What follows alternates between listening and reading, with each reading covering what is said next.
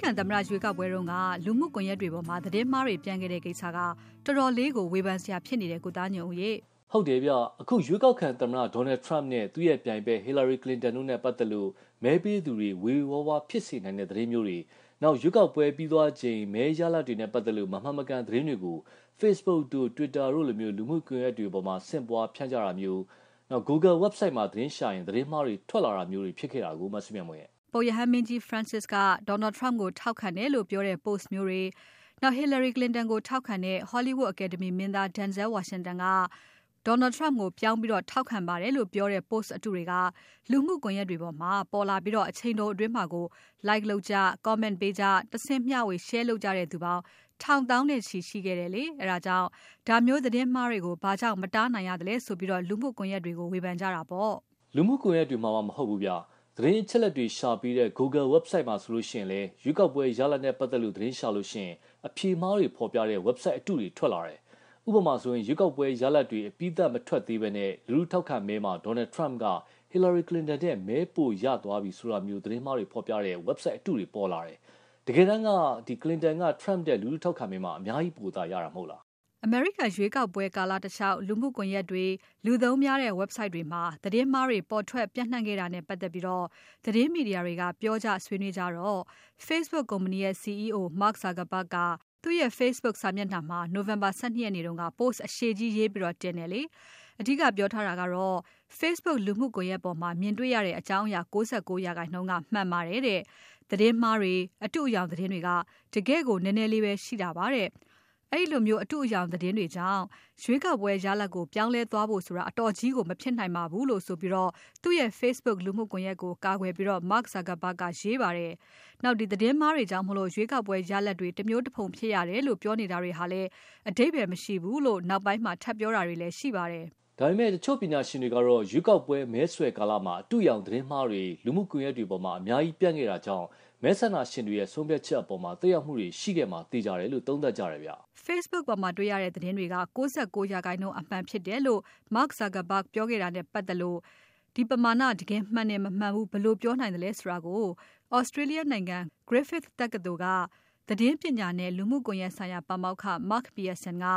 Australia သတင်းဌာနတစ်ခုဖြစ်တဲ့ ABC သတင်းဌာနရဲ့ ဆောင်းပါးတစ်ခုထဲမှာ မေးခွန်းထုတ်ပါတယ်။နောက်ပြီးတော့ဒီလူမှုကွန်ရက်သုံးကြသူတော်တော်များများအတွက်က ဘယ်ဟာက သတင်းအမှန်လဲ ဘယ်ဟာက သတင်းမှားလဲဆိုတာ ခွဲခြားနိုင်ဖို့ခက်တယ်လို့ သူကပြောထားပါတယ်။ Queensland တက္ကသိုလ်က သတင်းပညာနဲ့ ကွန်ပျူတာသိပ္ပံဆိုင်ရာကတိက ဒေါက်တာဒန်နီယယ်အန်ဂတ်ကလည်း သတင်းမှားတွေဟာ လူမှုကွန်ရက်တွေပေါ်မှာမကဘဲနဲ့အင်တာနက်တစ်ခုလုံးပေါ်မှာ ပြန့်ခဲ့တာကို အဲ့ဒီဆောင်းပါးမှာပဲထောက်ပြပါတယ်။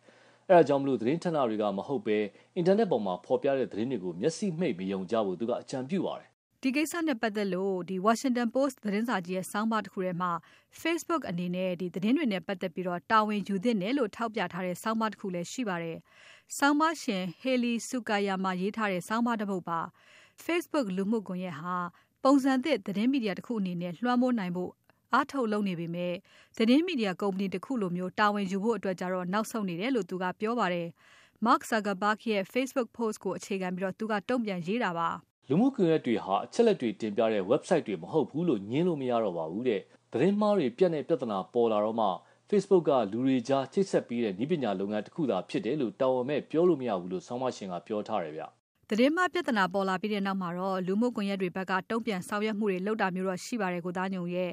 Facebook နဲ့ Google ဆိုလို့ရှိရင် သူတို့ website တွေမှာ ကြော်ညာထည့်တဲ့စနစ်ကိုအသုံးချပြီးတော့မှ သတင်းမှားတွေဖော်ပြနေတဲ့ website တွေကို တားဆီးနိုင်မဲ့မူဝါဒအသစ်ကို ပြောင်းလိုက်ပြီလို့ November 14ရက်နေ့တုန်းကကြေညာခဲ့ကြပါတယ်။ Google နဲ့ Facebook website တွေပေါ်မှာ ကြော်ညာထည့်လို့ရအောင်လုပ်ထားတဲ့ Google AdSense နဲ့ Facebook Audience Network ဆိုတဲ့ program တွေရှိပါတယ်။ အဲ့ဒီ program တွေကိုသုံးပြီးတော့မှဒီသတင်းမှားတွေပြန့်အောင်လုပ်ကြတာလို့ဆိုထားတော့ မမှန်ကန်တဲ့သတင်းအချက်လက်တွေကို အဲ့ဒီ program တွေကိုအသုံးချပြီးတော့ ဖော်ပြလို့မရတော့အောင်လို့ ကုမ္ပဏီနှစ်ခုလုံးက ကန့်သက်ချက်တွေလုပ်လိုက်တာပါ။နောက်သတင်းမှားတွေဖော်ပြနေတဲ့ website တွေကိုလည်း ပိတ်ပင်လိုက်ပြီလို့ ကြေညာခဲ့တယ် ကိုသားညုံရဲ့ အဲ့ဒီလို Google နဲ့ Facebook တို့က ကန့်သက်ချက်သစ်တွေထုတ်လိုက်ပြီးနောက်တည့်ရက် နိုဝင်ဘာလ15ရက်နေ့မှာပဲ Twitter mini blog လူမှုကွန်ရက်ကလည်း မမှန်ကန်တဲ့အကြောင်းတွေ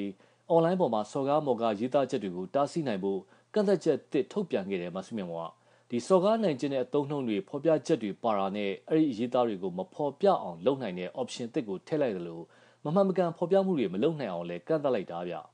သတင်းမှားတွေကို online ပေါ်မှာမပြန့်အောင်လို့လူမှုကွန်ရက်တွေကအဲ့လိုမျိုးအရေးယူဆောင်ရွက်မှုတွေလုပ်လာပေမဲ့ဒီလောက်လုပ်ယုံနဲ့ထိရောက်ပါမလားဆိုပြီးတော့မေးခွန်းထုတ်တဲ့သူတွေလည်းရှိပါတယ်။ သတင်းလွတ်လပ်ခွင့်ကြောင့် လူမှုကွန်ရက်တွေပေါ်မှာ တင်တာတွေကိုဆန်ဆန်မဖြတ်ပေမဲ့အခုလိုမျိုးအတူအယောင်သတင်းတွေကို ဖော်ပြလို့မရအောင်လို့ပိတ်ပင်လိုက်တာကတော့ ထူးတယ်လို့ပြောရမှာပါ။အဲ့လိုလုပ်ဖို့အတွက်လည်း သူတို့ကုမ္ပဏီအပေါ် တော်တော်လေး ထောက်ပြဝေဖန်ခံခဲ့ရတာကို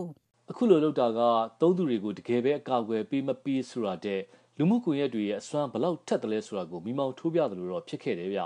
အထူးသဖြင့်ဒီသတင်းပြန့်နှံ့နိုင်တဲ့ဂျားကန်တွေထဲမှာ လူမှုကွန်ရက်တွေဟာ အထီရောက်ဆုံးဖြစ်တယ်ဆိုတာကို ပို့ပြီးတော့ပေါ်လွင်ခဲ့တယ်လို့ Wall Street Journal ရဲ့သတင်းဆောင်မတစ်ခုမှာပြောထားသေးတယ်မဆီမြတ်မွေရဲ့မဟုတ်မမှန်သတင်းတွေကိုရည်ရွယ်ချက်ရှိရှိနဲ့ဖြန့်ဝေခြင်းတဲ့သူတွေအတွက်လူမှုကွန်ရက်တွေဟာတကယ့်နေရာကောင်းတစ်ခုဖြစ်နေရတဲ့အဓိကအကြောင်းကတော့ဒီသတင်းလွတ်လပ်ခွင့်ဆိုတာကိုလူမှုကွန်ရက် website တွေကရှေ့တန်းတင်အခွင့်အရေးပေးထားတာကိုကိုသားညုံရဲ့အဲ့ဒါကြောင့်လေသတင်းမှားတွေကိုပိတ်ပင်နိုင်အောင်လုပ်တဲ့နေရာမှာသတင်းစင်စာဖြတ်တယ်ဆိုတာမျိုးမဖြစ်အောင်လူမှုကွန်ရက်တွေဘက်ကအတော်လေးသတိထားလုပ်ဖို့လိုတာကိုတချို့ကလည်းထောက်ပြကြပါတယ် လူမှုကွန်ရက်တွေဆိုတာကဒီ internet online ပေါ်မှာ လူတွေတယောက်နဲ့တယောက်ကြားမှာ ချိတ်ဆက် ဆက်သွယ်ပေးတဲ့ website တွေပဲဖြစ်တယ်လို့ ပြောလို့မရတော့ပါဘူး ကိုပြောပြချင်တဲ့အကြောင်းအရာတွေကို အချိန်တိုရင်းမှာ တကဘာလုံးစီကို ပြန့်သွားအောင် လုပ်ပေးနိုင်တဲ့ နေရာတွေဖြစ်နေပြီဆိုတော့ လူမှုကွန်ရက် website တွေအနေနဲ့စိုးကျိုးတွေ မဖြစ်အောင်လို့တာဝန်ယူဖို့လိုသလို လူမှုကွန်ရက်သုံးတဲ့သူတွေဘက်ကလည်း တာဝန်သိသိနဲ့ သုံးနိုင်ဖို့ လိုမယ်ထင်ပါတယ်ရှင်။